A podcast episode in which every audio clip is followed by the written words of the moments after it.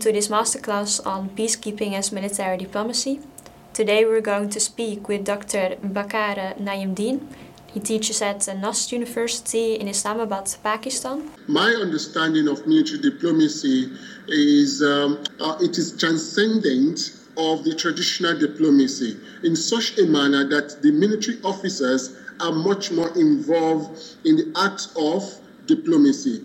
Therefore, what we're trying to say is that diplomacy is not just for the career diplomat alone, but also for those who have the sagacity of understanding the security paradigms. Hence, we need them to also contribute in uh, these what we call military diplomacy. One. Number two, uh, military diplomacy, in my understanding, is an integral of foreign policy. And therefore, when you look at the whole spectrum of foreign policy, there's one part of foreign policy that will be civilian based, and the other will be the military based. So here comes the, uh, the, the notion of military diplomacy. If diplomacy itself is part and parcel of foreign uh, policy. So that's how I developed this idea or come to this conclusion of military uh, diplomacy. However, as you might know, this entails a process of dialogue within a given system, and what that system is is the United Nations system, uh, through which state actors, which are, in my definition, the peacekeepers, they pursue uh, their purpose at least national interest for the aim of uh, ensuring that there is a peaceful and orderly environment at the globe. And we are uh, later going to discuss as well the different actors that um, in uh, presently also involve in um, yeah different forms of diplomacy, and that those actors, as you described as well, uh, are changing. That it is not only the traditional trained diplomat anymore that is pursuing diplomacy, but that there are a range of actors that are presently involved in a pursuit of diplomacy and then to um, derive at the conceptual um, distinction between military diplomacy and defense diplomacy. Uh, my question for you is Do you think that there is a conceptual distinction between military diplomacy and defense diplomacy? And if so, um, could you perhaps elaborate on that?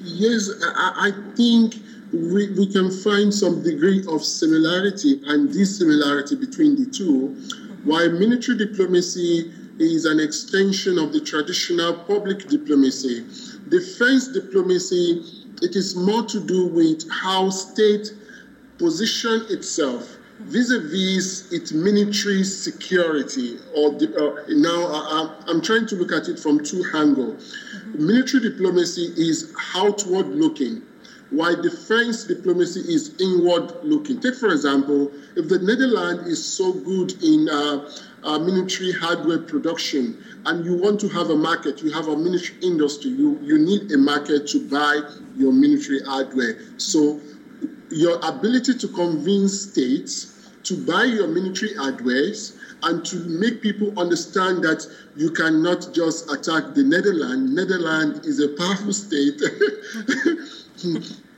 this will be defense diplomacy. Mm-hmm. That is inward looking. While in military diplomacy, it is much more outward looking. Like I said, it is an ability for the military personnel to participate in the traditional uh, peacekeeping, uh, uh, sorry, in, uh, in, diplomacy. Now, one thing to understand, like I said, there is similarity and dissimilarity between the two. So let's look the underpinning factors mm-hmm. behind the two.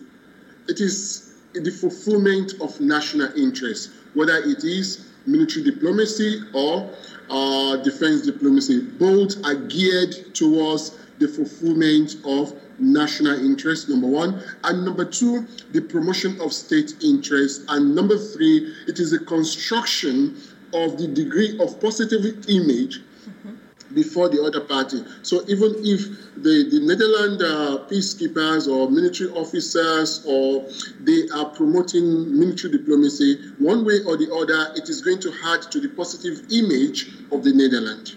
And in the same way, mm-hmm. if it is on, or it is if it is defense ministry, it's also going to add to the uh, positive image of the Netherlands. However, unlike the military diplomacy that involves uh, negotiation, convincing, and persuading, and even coercing parties in conflict, we don't do that in defense diplomacy because it is a promotion of what countries' image in terms of defense capability. I underline that uh, military uh, defense uh, diplomacy has to do with your promotion of your defense capability mm-hmm. geared at improving state economy. Now, in military diplomacy, economy might not necessarily matters, but in, diplo- in defense diplomacy, here comes the issue of economy. How do we boost our economy? Similarly, defense diplomacy could be tailored towards the protection of state sovereignty and integrity,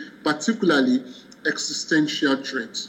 Okay. Now, in military diplomacy, you don't protect or you don't try to curb the existential threat against society. Rather, it is outward looking. This is why I use the word outward for military diplomacy and inward for uh, defense diplomacy. That's it. And then I was also wondering, you were uh, speaking about always pursuing the national interests, of course, which is um, yeah the idea behind pursuing foreign policy. But what I was wondering was how would you um, connect um, this uh, realistic view to, for instance, um, yeah, more or less regional um, interstate organizations as the NATO or as the EU? Because um, isn't then the alignment of all these national interests together a more collective interest? See, that, that, that's a very good answer. Uh, I think from a realist perspective, uh, states would do all they can in order to protect their national interests. But as we see that since 1950s, we have seen an extraterritorial tendency. So what I call the ex- extraterritorial sovereignty, for example, like the EU, like NATO, now, this is this is an extraterritorial sovereignty. So I, I might be an EU citizen, yet I'm a French. I might be an EU citizen, yet I'm a, a Dutch. So that means I have two sorts of sovereignty I am protecting. I am protecting the sovereignty of being an EU citizen and protecting the sovereignty of being a, a Dutch, a Netherlands, or a French. So in both ways, the sovereignty, regardless of whether or not state is in a collective association within the community of nations like the EU, statehood always protect its national interest. And here comes the importance of uh, defense diplomacy. So within the co- collective entity of the EU or NATO, one way or the other, states would now manifest their realist tendency of protecting or promoting their defense uh, um, diplomacy. So you can understand if, for example, the, the Netherlands is having the largest military industry in Europe, for example, mm-hmm. so there will be always be a possibility that for the economy of the Netherlands to, to boost up, the Netherlands uh, uh, uh, diplomats or the Netherlands officers will find a way to convince other EU members that please come buy my product, mm-hmm. come buy my uh, military. That's it. So here comes mm-hmm. the protection of your sovereignty and the uh, ensuring that your national interest it is fulfilled, regardless of whether you're a member of NATO or you're a member of the EU. Mm-hmm. The, the, the fact that a state is an integral of a collective entity does not subject or reduce its sense of realism. No, it, so it should be seen complementary towards each other. Yes, that's very true. That's okay. very true.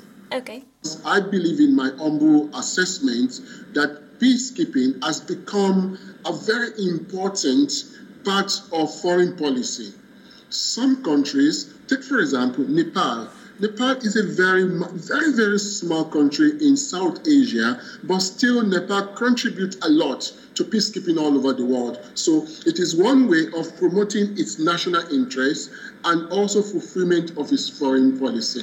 And you were also um, mentioning from um, yeah the transition from a conflict state to a post-conflict state um, and the relation to peacekeeping and military diplomacy.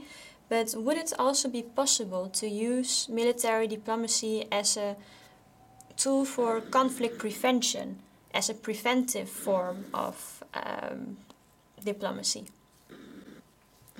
That, that's very true, but that would be in, in um, under the banner of the United Nations, number one, mm-hmm. and in collaboration with the state involved.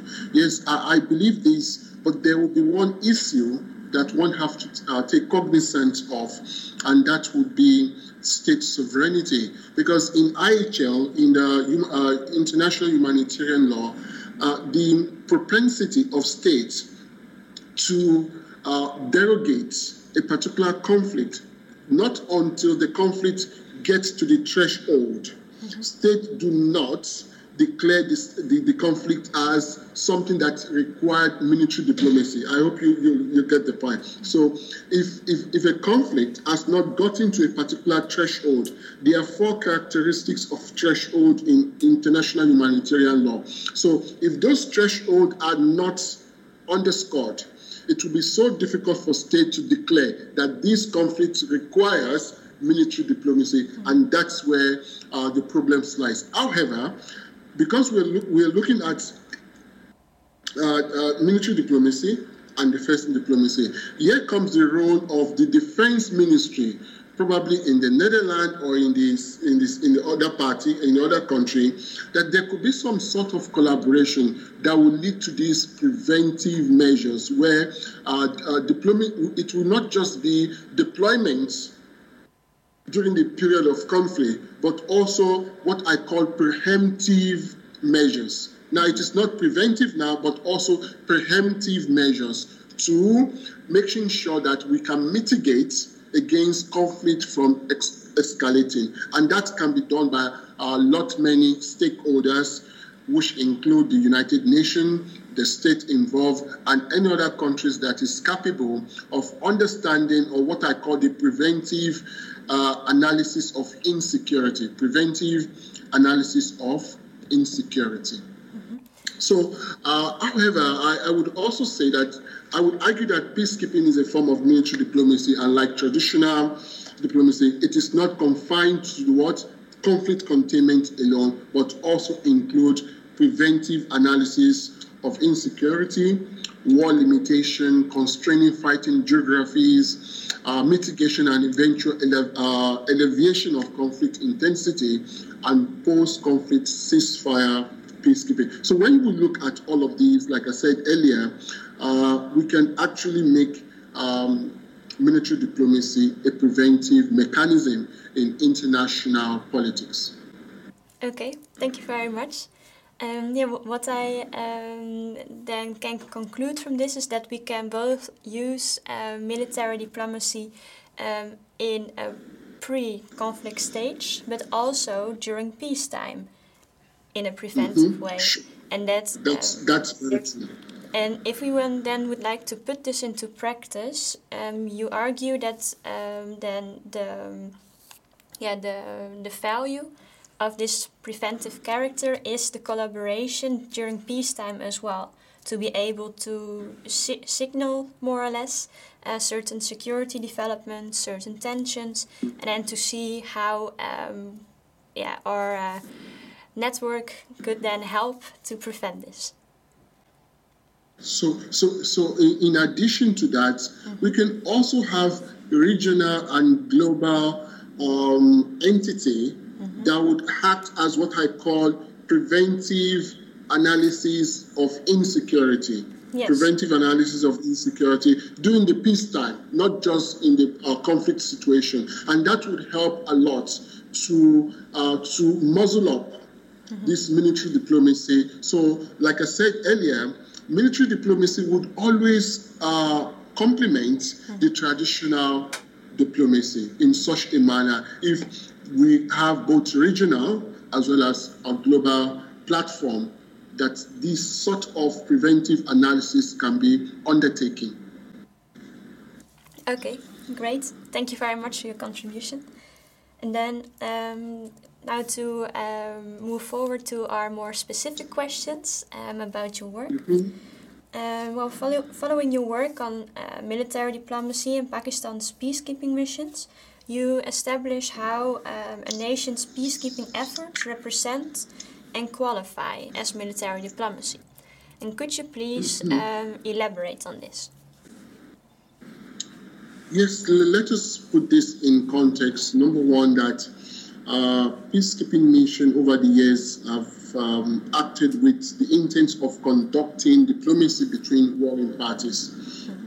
So, um, traditionally, the traditional diplomats would act as mediators. They would try to negotiate, they would try to persuade. In the same way, uh, or in the same token, now uh, peacekeepers are doing similar things. So in here, we can see some similarity between the traditional diplomacy and the military diplomacy in the form of peacekeeping, which Pakistan has been doing for the last so many years since 1960s, when that was the very first um, attempt of his uh, endeavoring into this uh, big ocean of peacekeeping in Congo. Similarly, when we look at peacekeeping as a form of uh, military diplomacy, it is in terms of preventive diplomacy. And if you have read even the, the work of Boutros Ghali, the, the former uh, Secretary General of the United Nations, he has also looked at it from like what we discussed earlier, preventive diplomacy, that military diplomacy, and this is part of the whole gamut of what the traditional diplomats would be doing to make sure that conflict do not escalate between two or more parties. One, so it means that if the if the traditional diplomats are engaged in mitigation against conflict, peacekeepers are doing the same. If peace um, if traditional diplomats are engaged in good offices, the peacekeepers are doing the same.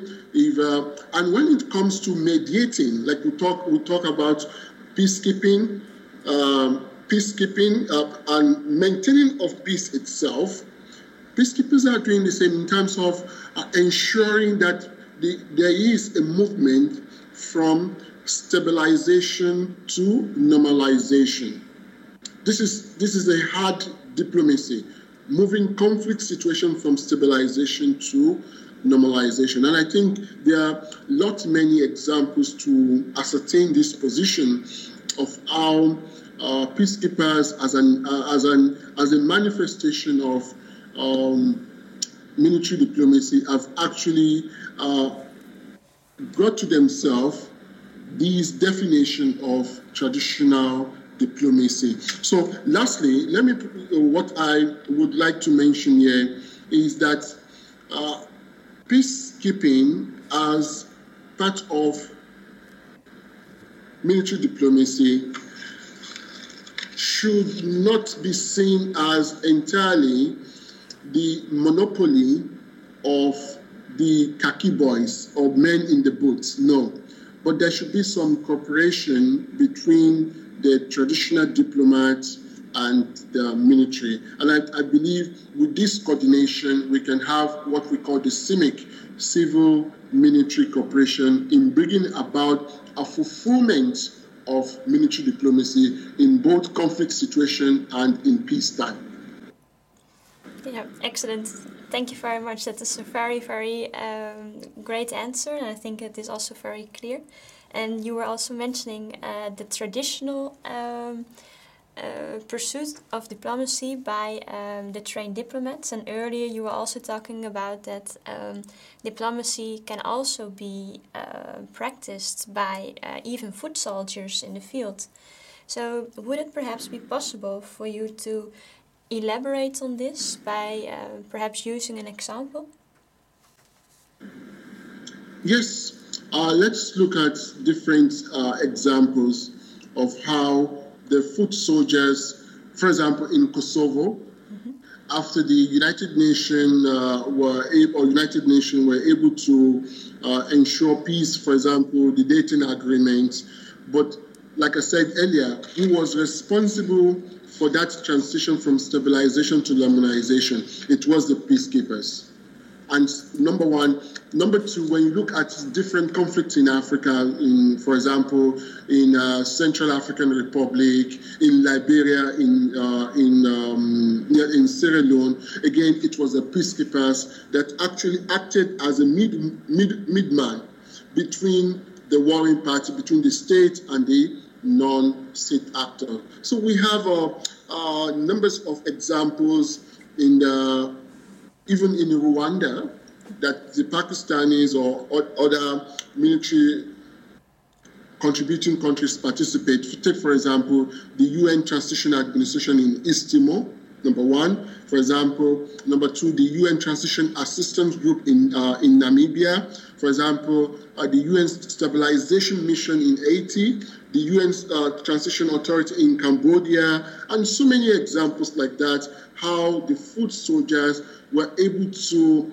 uh, muzzle up the ability to act as the traditional diplomat. But more importantly, I want you to underline the it is that transition, making a transition from uh, a conflict situation to stabilization and normalization. Um, seasoned diplomats might not have the uh, tendency in doing that. They, they might not have the tendency in doing that, but I believe uh, over the period of time, these military, uh, these peacekeepers have actually demonstrated their ability to doing that in a very much better way.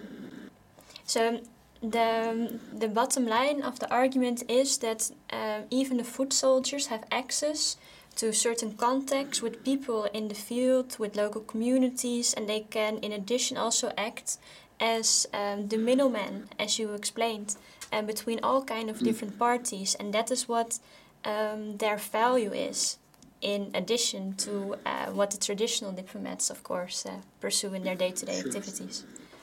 And more delicately, and more delicately, uh, the, the areas where the traditional diplomats would not be able to navigate these peacekeepers who are who I call the military diplomat who navigate those areas.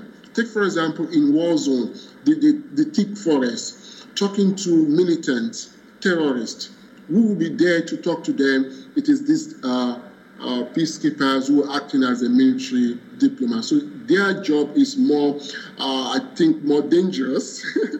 yes. It's more dangerous as well as very tricky. It's, it's a matter of life and death. Mm-hmm. Okay, thank you very much.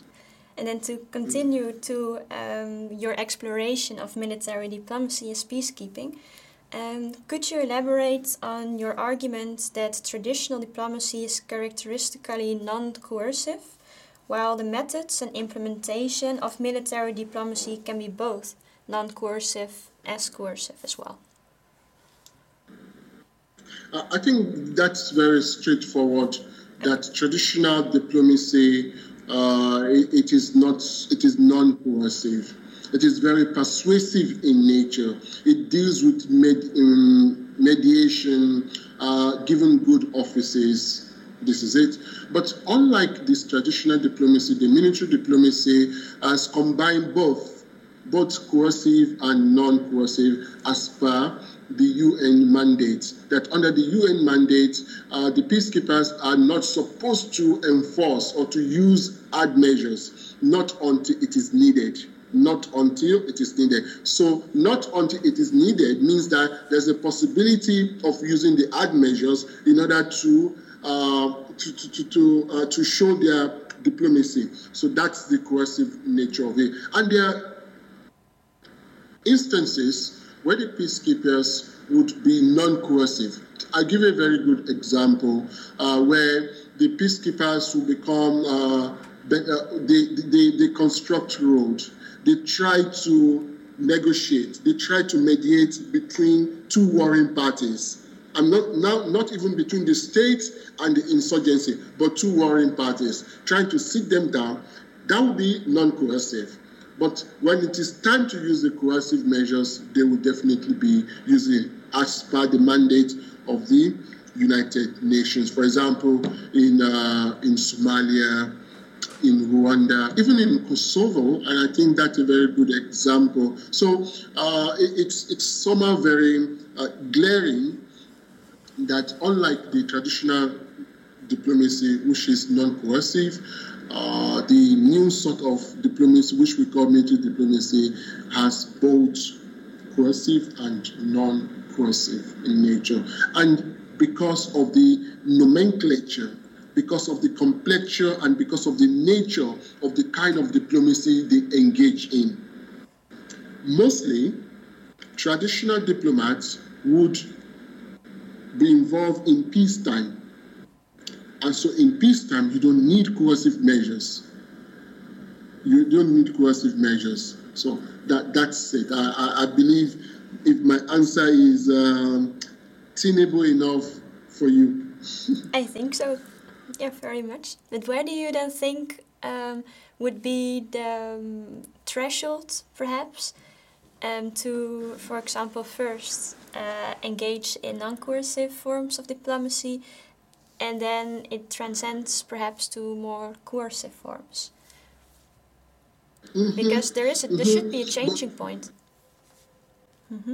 Uh, that, does, that does not discount the fact that the traditional diplomat might involve also in some form, in some form of coercive. Take, for example, the imposition of sanction. Mm-hmm. Sanction is, of course, coercive in nature, but not coercive in the military terms. So, if, for example, we're using sanction, okay, sanction against Iran, sanction against Cuba, so that could be a way we can identify that with coercion, but not in the physical way, in the hard way. No, so we should actually distinct then the military forms of coercion from, uh, for example, economic forms of coercion within the diplomatic kind of domain.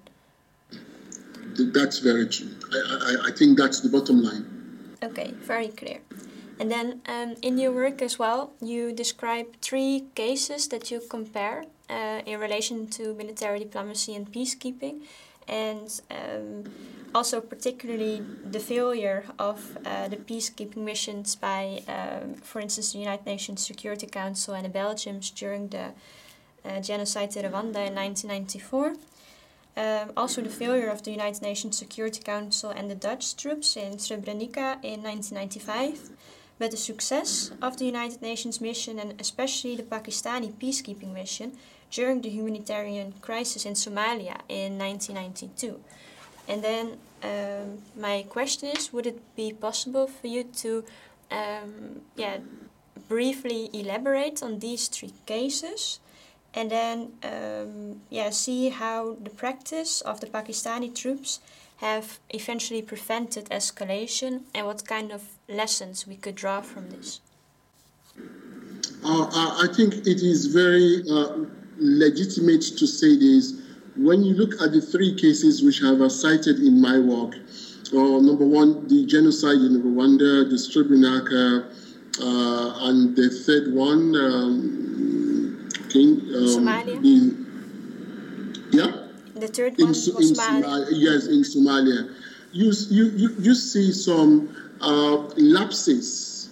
You see some lapses in how uh, certain European countries or peacekeepers, they've handled the situation. Mm-hmm. Now, as compared to how the Pakistani uh, peacekeepers were, ab- were able to handle the situation in, in Somalia.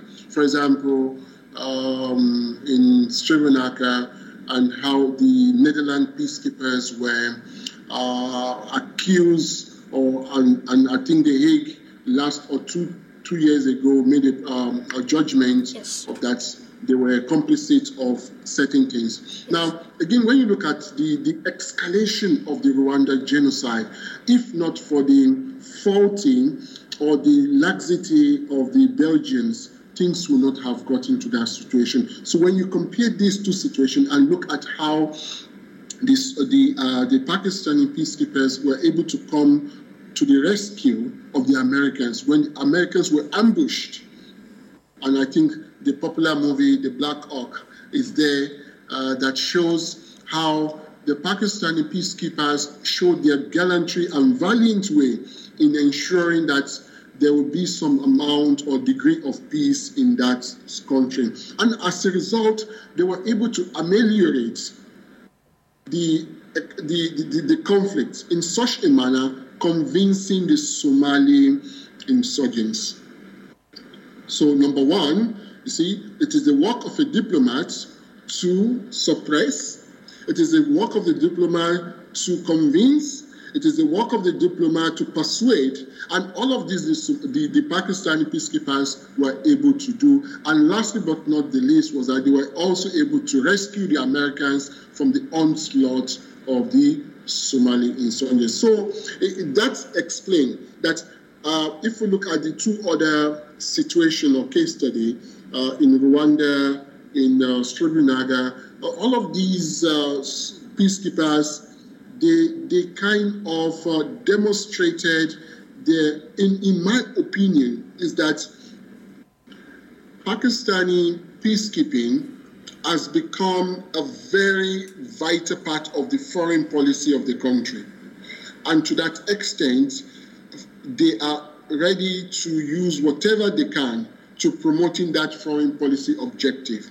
Maybe, I wouldn't know, that could also be one of the reasons that the, the lack of seeing peacekeeping as an extension of foreign policy, achieving your foreign policy, achieving your national interest by the Belgian, or oh, it doesn't concern us, or the, by the Netherlands, but for the Pakistan at least. But though I would, I would want to say that there are a lot of factors, say, uh, Somali being a Muslim country, uh, Pakistan being a Muslim country. So that ability. See, now uh, you, as a diplomat, you should understand my language. You should understand my psychic. You should understand my weak spot, how to be able to, to get me in order to pursue. And I think this is what the Pakistanis were able to do. So when you look at those comparisons, why the Belgians could not do that in, in, in Rwanda, and the Netherlands the peacekeepers could not do that in, in Bosnia. So that explains uh, that, uh, I think, the comparison why I have tried to look at the extent to which the Pakistani peacekeepers were able to do what they can do best for their own national interests. Okay, thank you very much. And what we can conclude from this is that there might be a potential um, correlation between uh, the understanding of uh, the local context and the mm-hmm. like the really thorough thorough understanding of the local context and the successfulness of uh, certain security and um, peacekeeping operations in order for it to be um, yeah very uh, successful in the end so that is actually the bottom line I, I, to, to, to buttress your point, uh, let me take a leap from the Pakistani uh, peacekeeping and look at it from ECOMOG, the West African um, uh, peacekeeping uh, mission that was established by these 16 countries in West Africa. Nigeria, which is one of the most important uh, peacekeepers in ECOMOG, you would understand that the ECOMOG during the 1990s upped they were able to achieve a lot of milestones. For example, in, Lib in Liberia, in uh, Sierra Leone, because they understood the local context.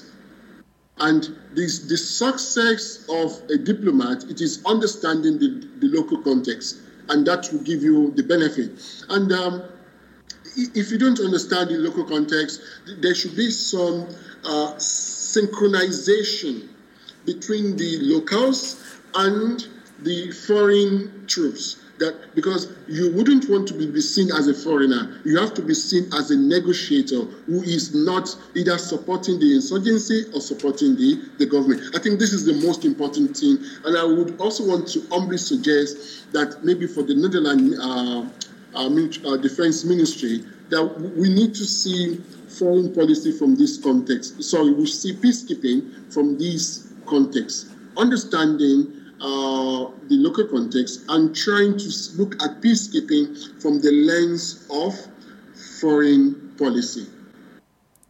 Okay, great, excellent. Thank you very much. And then we have already arrived at our um, last question, and that has to do with some um, yeah potential predictions and foresight. Because when looking into the future, how do you think that um, the pursuit of military diplomacy by Pakistan is going to further develop? How do you think this would shape perhaps the interstate relations with other states? Um, interesting. Okay, let us begin to look at the history of the the, the Pakistani peacekeeping uh, mission since 1960. Uh, the Pakistan, as a peacekeeping contributing country, has contributed over 200,000 peacekeepers, over 200,000 in 46 missions and 28 countries across the continent. So you can see the huge and the massive nature uh, of how Pakistan is actually contributing. And uh, 157 martyrs or that they have sacrificed in this whole process. So one. Having said that, so one can see that, like I, I continue repeating this, uh, uh, peacekeeping has become a very important aspect of the Pakistani uh, uh, military diplomacy. Now, and you can see that even up to today, Pakistani peacekeeping missions or peacekeepers are still very much present all over the world, particularly in, in Africa, as we see in Central African uh, Republic and in Congo. So that is one. I also believe that uh, peacekeeping as an extension of um, uh, military diplomacy, it is multifaceted. One, Pakistan, I don't know, you, it, it will be, aside from the NATO countries, you find a third world country like Pakistan establishing a center for international peace and stability, a very um, marvelous, and in, in terms of it, um, in terms of its content, it is not just teaching pedagogy, it is not just teaching students of peace and conflict study, but also training people on how to pursue their military diplomacy. And what I mean by here, here in the in, uh, in Center for International Peace and Stability, they train both local and international peacekeepers. So now you see, you, you find people from the UK, United States, uh, Euro, a few European countries, uh, from the cent- from Central African Republic, uh, from Central Asia. People comes over here in order to gain insights on how to pursue their military diplomacy vis-a-vis uh, peacekeeping. One. Number two. Now, aside from that, Pakistan is also facilitating and being consulted by nations that are facing the issue of insurgency. Yes, Pakistan is facing its own insurgency, but at least uh, it has been able to do better in uh, subsiding its own insurgency in, in FATA region. And to that extent, uh, so people want to learn from Pakistan the, the, the, best practices. How has Pakistan been able to resolve its own problem? So I see that again as an extension. So you can see what uh, the, the, uh, the, the output. So Pakistan military diplomacy, it is not just outward now, but its inward military diplomacy, it is now being consulted as a way of teaching others how to cope and how to uh, ameliorate their insecurity.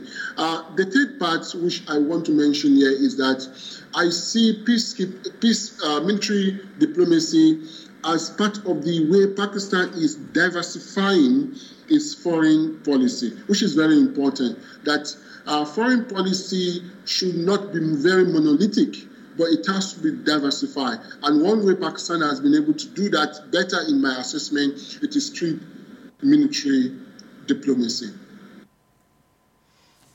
And last but not the least, if I wouldn't forget that, so with this, the Pakistani state and authority are trying as much as possible to make Pakistan uh, a regional and a global military diplomacy center. So where the world will want to learn from uh, Pakistan. So I, I believe in the future, if things does not change, if the United Nations peacekeeping uh, mission continues, if the contributing uh, countries in terms of financial, for example, the United States, we understand how the uh, President Trump uh, vowed to reduce American uh, support for the peacekeeping missions. If other countries like China or Japan or Germany, even the Netherlands, though I know the Netherlands uh, contribute in terms of personnel, but what about the monetary aspect? So if the contribution in terms of personnel and financial support continues, uh, I be, believe Pakistan as a country would also be having a future of a, a good future in terms of its military diplomacy. Okay, great. That is a great concluding uh, remark. Thank you very much for this. Awesome. Thank you so much. Thank you very much for watching this masterclass. We hope that this enriches your understanding of peacekeeping as military diplomacy.